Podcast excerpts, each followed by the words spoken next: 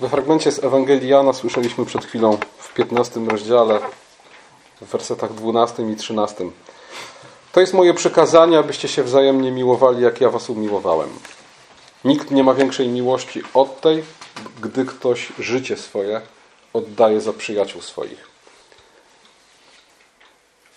Ten sam apostoł Jan w swoim liście, w pierwszym ze swoich listów, w trzecim rozdziale pisze tak. Albowiem to jest zwiastowanie, które słyszeliście od początku, że mamy się nawzajem miłować. Nie jak Kain, który wywodził się od złego i zabił brata swego. A dlaczego go zabił? Ponieważ uczynki jego były złe, a uczynki brata jego sprawiedliwe. Nie dziwcie się, bracia, jeśli was świat nienawidzi. My wiemy, że przeszliśmy ze śmierci do żywota, bo miłujemy braci. Kto nie miłuje, pozostaje w śmierci. Każdy, kto nienawidzi brata swego, jest zabójcą. A wiecie, że żaden zabójca nie ma w sobie żywota wiecznego.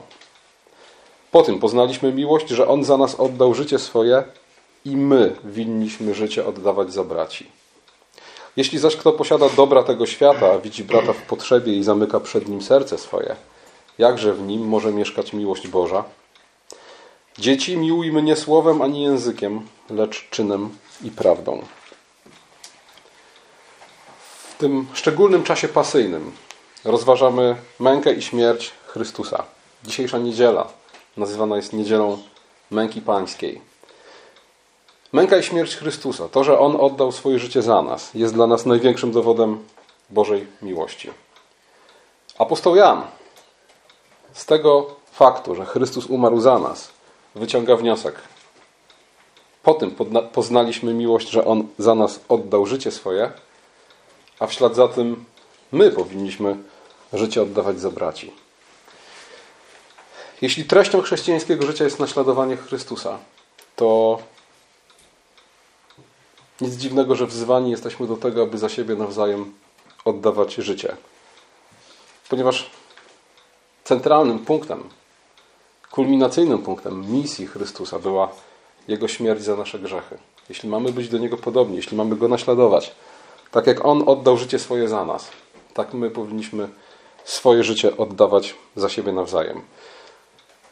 I to oczywiście prowadzi nas do e, kontekstu relacji jedni drugich, o których od dłuższego czasu mówimy, które od dłuższego czasu rozważamy.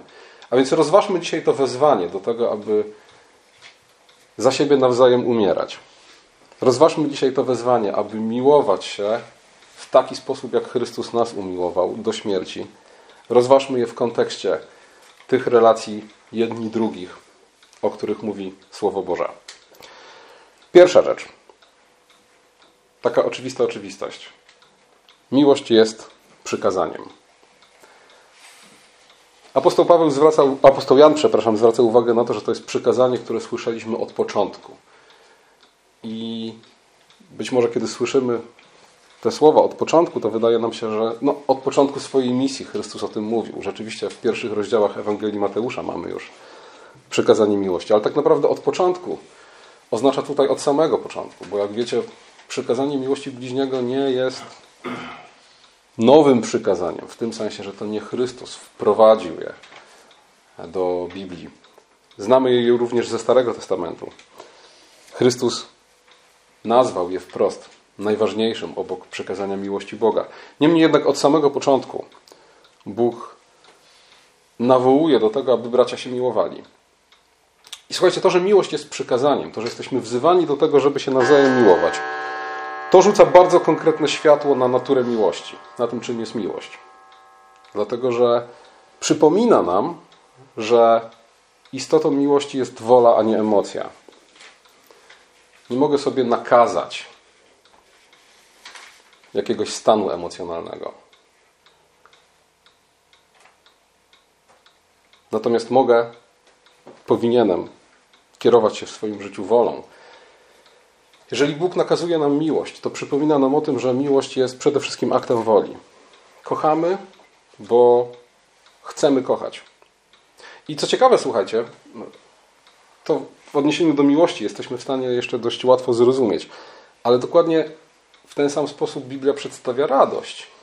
Bo przecież wielokrotnie nas Biblia wzywa do tego, abyśmy się radowali. Znowu przypominając o tym, że prawdziwa radość to coś więcej niż emocja, to coś więcej niż przyjemność. Odczuwana wesołość, tak? czy jakkolwiek inaczej byśmy to nazwali. Radość to przede wszystkim wola, to przede wszystkim postawa. I tak jak Biblia wzywa nas do tego, abyśmy przyjmowali na co dzień postawę radości, a więc postawę, która sprawia, że wdzięczni Bogu doceniamy wszystko to, czym nas łaskawie obdarzył. Tak dokładnie w ten sam sposób Biblia wzywa nas do tego, abyśmy w swoim życiu przyjmowali postawę, wolę miłości, otaczając tą miłością naszych braci w Chrystusie. W książce Arcis Sproula o małżeństwie jest taki tekst. Arcis Sproul pisze, że kiedy przychodzą do niego małżeństwa, które stwierdzają za łzami w oczach już się nie kochamy, odpowiada zawsze no to zacznijcie w takim razie.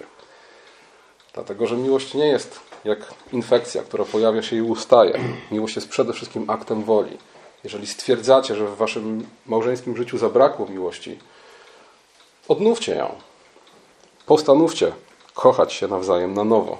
I słuchajcie, dokładnie taką samą poradę można dać każdemu, kto jest zniechęcony Kościołem. Każdemu, komu się wydaje, że Kościół go nie kocha, albo on już nie kocha Kościoła. Jeśli miłość wygasła, wzbudź ją na nowo. Kochaj braci. W tej dziedzinie zawsze masz coś do zrobienia. W tej dziedzinie zawsze możesz być lepszy niż jesteś dzisiaj. Zawsze ilekroć pojawia się problem w Twojej relacji z Kościołem, w Twojej relacji z braćmi, nie wiesz co robić, to są dwie rzeczy, które możesz i powinieneś zrobić zawsze. Módl się i okazuj miłość braciom. To zapewne nie rozwiąże wszystkich problemów, ale na pewno przybliży cię do ich rozwiązania. Chociażby w tym, chociażby dlatego, że Twoja miłość wyda owoce, a Ty sam zobaczysz sprawy i problemy, z którymi się zmagasz w innym świetle. A więc słuchajcie, tak jak nigdy za dużo modlitwy, tak nigdy za dużo miłości. Zawsze odpowiedzią na to, co Cię spotyka. Zawsze dobrą odpowiedzią jest postanowienie: Będę kochał moich braci i tę miłość im okazywał. A więc miłość jest przykazaniem, które dał nam Bóg, jest pierwszym przykazaniem, tym najważniejszym, ale oprócz tego jest też znamieniem Kościoła i chrześcijanina. Mówimy często o tym, że znamionami Kościoła są zwiastowane słowo i sprawowane sakramenty. Ale tak naprawdę oprócz tego, te słowo i sakramenty to są takie widzialne znamiona Kościoła. Ale Chrystus mówi też, że wszyscy będą nas poznawali po wzajemnej miłości. A zatem to właśnie wzajemna miłość jest znamieniem Kościoła. Jest tym, co powinno odróżniać Kościół od tego, co Kościołem nie jest. Uczniów Chrystusa, od tych, którzy uczniami Chrystusa nie są. W liście w pierwszym liście Jana, we fragmencie, który czytaliśmy, jest taki fragment, który mówi: Wiemy, że przeszliśmy ze śmierci do żywota. A więc wiemy, że jesteśmy uczniami Chrystusa. Wiemy, że należymy już do Niego, a nie do świata. Ale skąd to wiemy? Czy Bóg nam to w bezpośredni sposób objawił? Czy swoją pewność opieramy na tym, że kiedyś podnieśliśmy rękę i wyszliśmy do przodu w trakcie ewangelizacyjnego nabożeństwa? Nie, apostoł pisze, wiemy, że przeszliśmy ze śmierci do żywota, bo miłujemy braci. Kto nie miłuje, pozostaje w śmierci. A więc na odwieczne pytanie, skąd mam wiedzieć, czy jestem wybrany? Tak, to jest często zarzut przeciwko reformowanej teologii. Odpowiadam, ufność moją pokładam w Chrystusie. Ale owocem łaski w, moim życiu tym widocznym, tym, który jest znamieniem ucznia Chrystusa, jest miłość do Boga i miłość do braci. Jeśli w moim życiu nie ma miłości do braci, być może powinienem zadać sobie pytanie, czy naprawdę należy do Chrystusa. Wiemy, że przeszliśmy ze śmierci do żywota, bo miłujemy braci. Kto nie miłuje, pozostaje w śmierci. Apostoł Paweł również w liście do Galacjan w piątym rozdziale, w szóstym wersecie, kiedy mówi o wierze czynnej w miłości. On upewnia nas w ten sposób, że tak naprawdę bez miłości nie ma prawdziwej wiary. Jeśli nie kochamy Boga, nie wierzymy. Jeśli nie wierzymy, nie mamy nic wspólnego z Chrystusem, bo zbawienie dziedziczymy z łaski przez wiarę.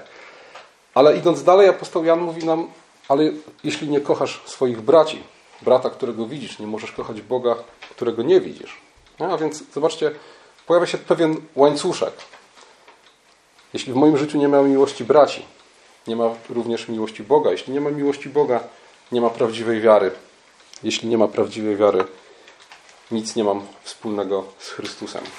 A więc miłość z jednej strony jest przykazaniem, które dał nam Bóg. Z drugiej strony, i, i przez to wiemy, że jest aktem woli. Z drugiej strony, miłość jest znamieniem Kościoła i chrześcijanina. Po tym powinniśmy się rozpoznawać. Po tym powinien nas rozpoznawać świat. Po tym wreszcie, po wzrastającej miłości Boga i ludzi, powinniśmy rozpoznawać w swoim życiu działanie łaski. I wreszcie największa miłość, o której mówi Chrystus. Największa miłość to oddać życie za braci. I tutaj Jan pisze: Po tym poznaliśmy miłość, że On oddał za nas życie swoje. A więc tak naprawdę to jest ten ostateczny dowód na Bożą miłość. Słuchajcie, kiedy ludzie patrzą na, kiedy my patrzymy na świat, na to, jak on wygląda, kiedy patrzymy na to, ile na świecie jest cierpienia, ile jest niesprawiedliwości, ile jest y, różnych rzeczy, z którymi trudno się pogodzić, wtedy się pojawia pytanie o ostateczny dowód. Tak? Udowodnij mi, że Bóg jest tak, jak go opisuje Słowo Boże. Że jest wszechmogący i miłosierny. Że nas kocha. Udowodnij mi to, patrząc na świat pełen zła i niesprawiedliwości. I Biblia podaje taki ostateczny dowód. Dowód, który rozwiewa wszelkie wątpliwości. Chrystus umarł za nas. Ten, który nie znał grzechu, wziął na siebie grzech całego świata i zaniósł go na krzyż. Co więcej, kiedy to uczynił? Apostoł Paweł w liście do Rzymian w piątym rozdziale mówi, że uczynił to, kiedy byliśmy jeszcze grzesznikami, kiedy byliśmy jeszcze słabi, kiedy nic nie mieliśmy mu do zaoferowania. A więc jego miłość była wyprzedzająca, nie była odpowiedzią na cokolwiek z naszej strony. Wręcz odwrotnie, była, w pewnym sensie była odpowiedzią na naszą niewdzięczność, grzech, bunt, złość. A więc na pytanie, czy istnieje ostateczny dowód na to, że Bóg nas kocha? Tak. Tym dowodem jest krzyż. Oddał swoje życie za nas wtedy, kiedy byliśmy słabi, kiedy byliśmy bezbożni, kiedy byliśmy zgubieni. I słuchajcie, tutaj znowu uwypukla się ta prawda, że miłość to przede wszystkim wola i postawa. Dlatego, że e, w oddaniu swego życia za złych i niewdzięcznych widać wyraźnie wolę i postawę. Apostoł Paweł mówi, że no, czasem się tak zdarza, że za dobrego człowieka, z którym jesteśmy jakoś emocjonalnie związani, bylibyśmy oddać gotowi swoje życia. E, przy czym poświęcenie dla kogoś, kogo lubimy, szanujemy, znamy i jest z nami emocjonalnie związany, w tym poświęceniu może być wiele emocji, co oczywiście nie jest złe, ale co sprawia, że ten element woli wydaje się niejako ukryty. Tutaj, kiedy Chrystus oddaje swoje życie za niewdzięcznych i złych, ten element woli widzimy wyjątkowo wyraźnie. W tekście z pierwszego listu Jana, który czytaliśmy, pojawia się pierwszy antychryst. Jak wiecie, Biblia mówi o tym, że antychrystów było i będzie zapewne wielu. Ale zobaczcie, kto jako pierwszy z ludzi zostaje przeciwstawiony Chrystusowi. Jest nim Kain. Co charakteryzuje Kaina? Nienawiść do brata z powodu jego sprawiedliwości. Co charakteryzuje Chrystusa? Miłość do braci pomimo ich grzechu. Widzicie, Kain jest przedstawiony tutaj jako całkowite przeciwieństwo Chrystusa, a więc jako antychryst. Chrystus kocha nas, którzy jesteśmy grzesznikami. Kain nienawidzi swojego brata, który jest sprawiedliwy. Chrystus na, za nas, którzy jesteśmy grzesznikami, oddaje swoje życie. Kain swojego brata, który jest sprawiedliwy, zabija. A zatem ten, który oddaje życie za braci, jest przeciwstawiony zabójcy. I w tym momencie Biblia nam stawia przed oczy alternatywę. I taka jest, taka jest prawdziwa alternatywa w życiu każdego z nas. Czy chcesz być jak Kain? Czy chcesz być jak Chrystus? Jeżeli chcecie wiedzieć, dlaczego Kain zabił Abla, obejrzyjcie rosyjski film pod tytułem Wyspa. E, więcej Wam nie powiem, żeby nie zepsuć Wam przyjemności oglądania tego filmu, ale jedna z kluczowych rzeczy, w całości jest zresztą dostępny w internecie, jedna z kluczowych, jeden z kluczowych wątków w tym filmie to jest pytanie, dlaczego Kain zabił Abla. Tak naprawdę alternatywą, przed którą stoimy, jest miłość albo nienawiść. Dlatego, że brak miłości prowadzi do nienawiści. Tak naprawdę trwała obojętność nie istnieje. Tak jak istnieją tylko dwa możliwe światopoglądy: chrześcijaństwo i ateizm polegający na całkowitym odrzuceniu Boga i Jego prawa. A właściwie wszystko, co jest pośrodku, jest, jest jakimś przystankiem w drodze w jednym lub drugim kierunku. Tak samo w moralnej postawie wobec ludzi możliwa jest tylko Boża miłość albo Kainowa nienawiść. Wszystko, co jest pośrodku, jest tylko przystankiem na drodze, którą przebywamy w jednym lub w drugim kierunku. Na drodze, którą, która prowadzi nas ku nienawiści i zabójstwu, bądź też ku miłości i oddawaniu życia za swoich braci. I słuchajcie, to zwłaszcza widać pośród braci, a więc tam, gdzie mamy do czynienia z realną, bliską relacją. W tych relacjach nie ma próżności. Jest albo miłość, która rodzi gotowość do służenia innym, aż do oddania swojego życia za innych. Albo jest to, co widzimy u Kaina. Przyprawiona zazdrością nienawiść, która prowadzi do morderstwa. Zazdrość Kaina, zazdrość o Bożą akceptację, to postawa on ma to, co tak naprawdę mnie się należy. Jemu Bóg jest życzliwy, a powinien być życzliwy mnie. Podczas kiedy miłość to jest postawa wszystko, co mam, razem łącznie z moim życiem, winien jestem bratu.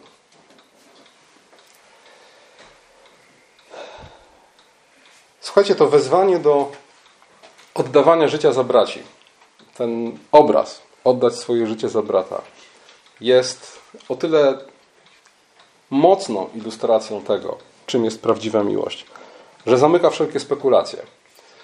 Ludzka natura jest skłonna do kalkulacji. Ile tak naprawdę jestem winien Bogu? Tak? Czy wystarczy co niedzielne nabożeństwo i jeden rozdział z Biblii dziennie, a potem mogę już całe swoje życie układać według własnych koncepcji? Ile jestem winien bratu? Czy muszę mu przebaczyć 7 razy, czy aż 77 razy? Czy wystarczy, że będę grzeczny, czy też muszę a, szukać sposobności do tego, aby bratu pomóc i usłużyć? Ten obraz oddawania życia zamyka spekulację. Bratu jestem winien całego siebie.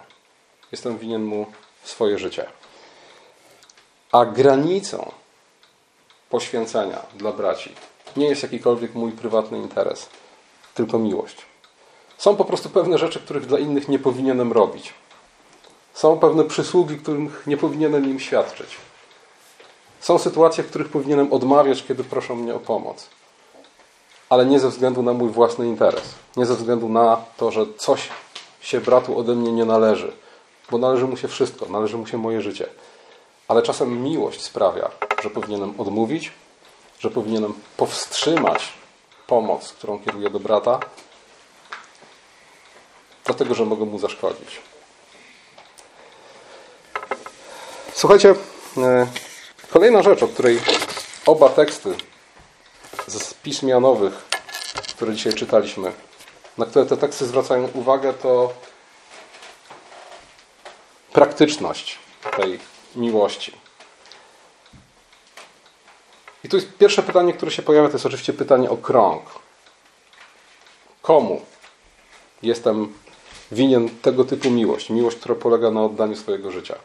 Kto i na jakiej podstawie?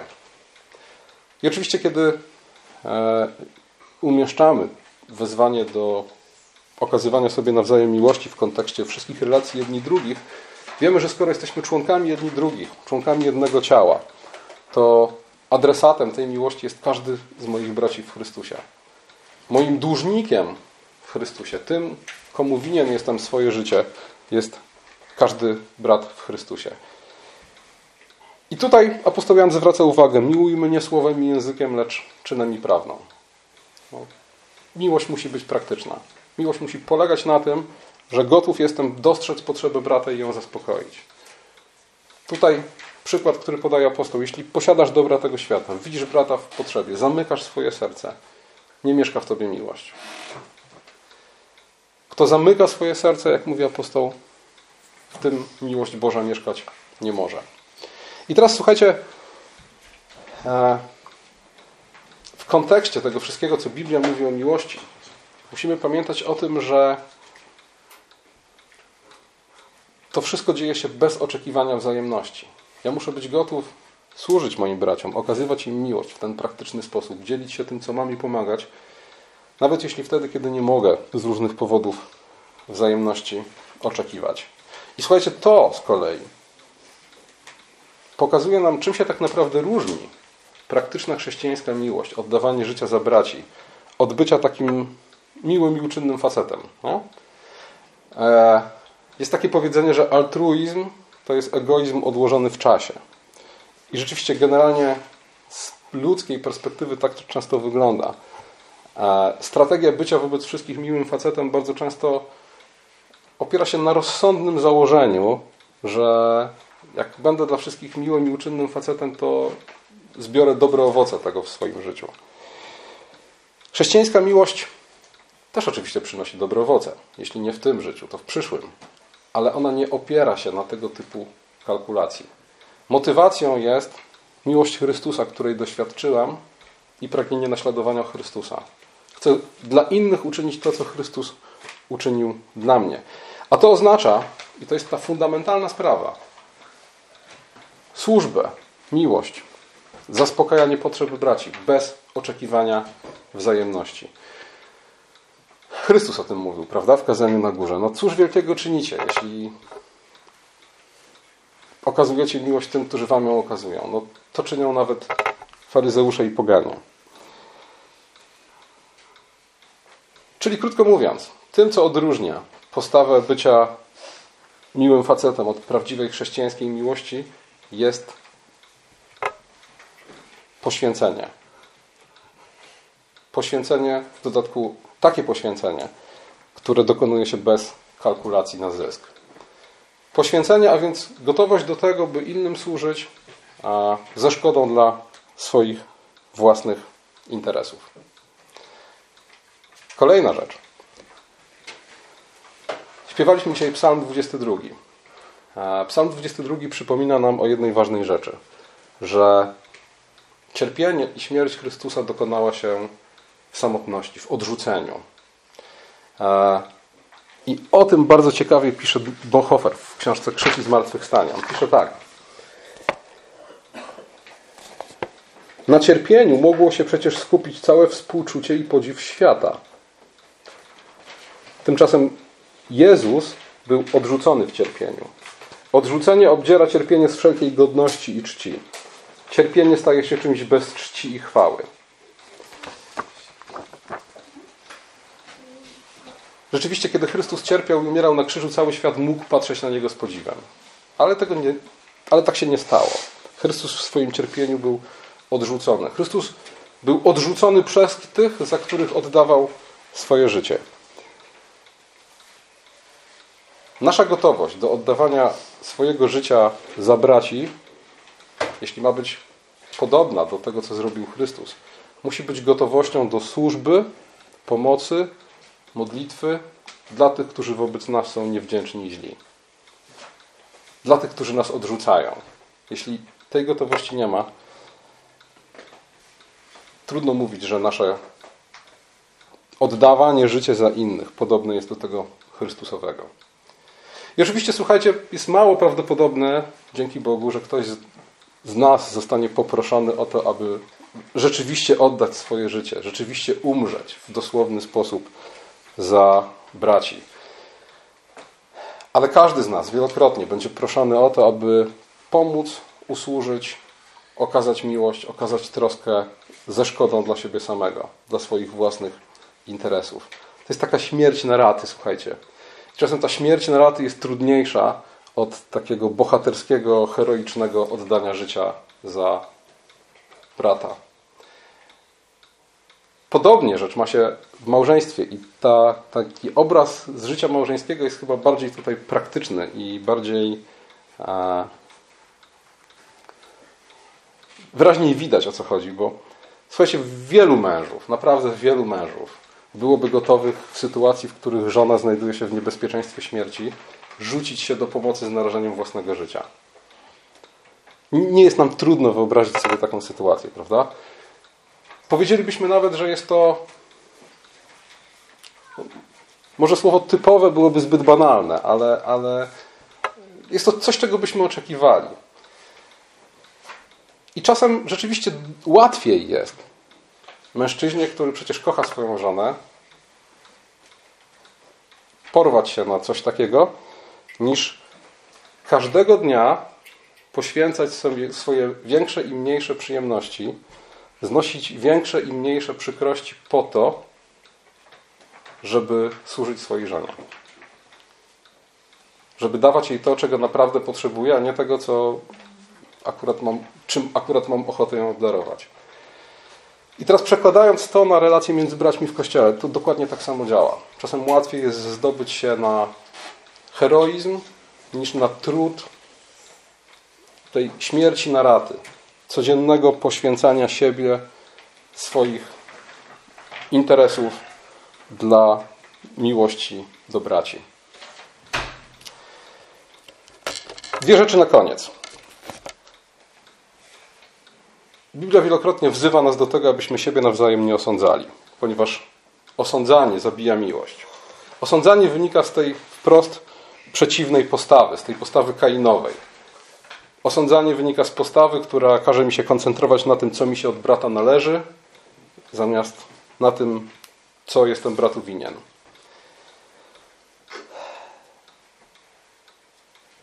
Jednym z najprostszych sposobów na osądzenie brata jest właśnie oskarżenie go o brak miłości. O tym pisał już mnich Ewargiusz z Pontu w VI wieku po Chrystusie, kiedy pisząc o akedii, czyli o takiej duchowej niemocy, frustracji i depresji, pisał, że jednym z jej objawów jest postawa e, takiego narzekania, że zanikła miłość wśród braci. I słuchajcie, to jest bardzo łatwy cel, dlatego że każdemu jesteśmy w stanie słusznie zarzucić braki w miłości. Dlaczego? Bo wszyscy te braki posiadamy. Więc nie jest to wielki problem oskarżyć kogoś, w dodatku słusznie, o brak miłości. Jest to łatwy cel. I słuchajcie, niestety, często tak robimy. Mój przyjaciel Tomek Kruczek żartem często powtarza, że ma taki swój zeszycik małych, dużych przykrości doznanych, w których sobie wszystko zapisuje. Problem polega na tym, że wielu ludzi całkiem na poważnie takie zaszyciki e, posiada. Jeśli chcemy przyjąć wobec innych postawę Chrystusową, musimy uwolnić się od oskarżania innych o brak miłości, skoncentrować się na tym, aby innym miłość okazywać. Lloyd Jones napisał kiedyś, dlaczego ludzie są tak, w tym kontekście, o którym powiedziałem przed chwilą, dlaczego ludzie są tak chorobliwie zajęci samymi sobą? Dlatego, że w niedostatecznym stopniu są zajęci Nim, czyli Bogiem, Chrystusem. I to jest, słuchajcie, sedno sprawy. Dopóki nie jestem w dostateczny sposób zajęty Chrystusem, będę się bardziej koncentrował na niedostatkach w relacjach innych do mnie, niż na pielęgnowaniu mojej miłości do braci.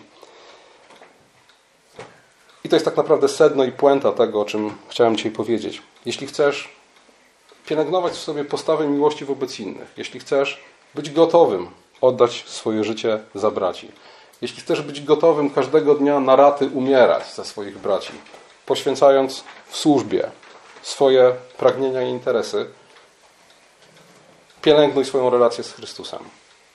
Im więcej będzie Chrystusa w swoim życiu, tym mniej będzie pytań dlaczego. Dlaczego powinienem, dlaczego akurat ja powinienem komuś ustąpić? Dlaczego akurat ja powinienem komuś usłużyć? Dlaczego akurat ja powinienem się w tej sytuacji poświęcić?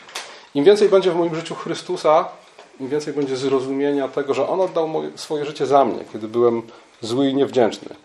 Im więcej będę im lepiej będę rozumiał ogrom Bożej łaski, tym chętniej będę służył innym.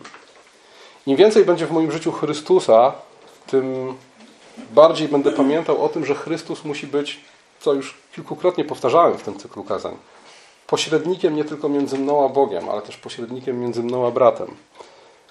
Dlatego, że cokolwiek dobrego mogę zrobić dla brata, mogę to zrobić tylko ze względu na Chrystusa i przez Chrystusa. Tylko wtedy wyda to dobry owoc. Im więcej będzie w moim życiu Chrystusa, tym więcej będzie gotowości do tego, aby Jego naśladując, oddawać swoje życie za braci.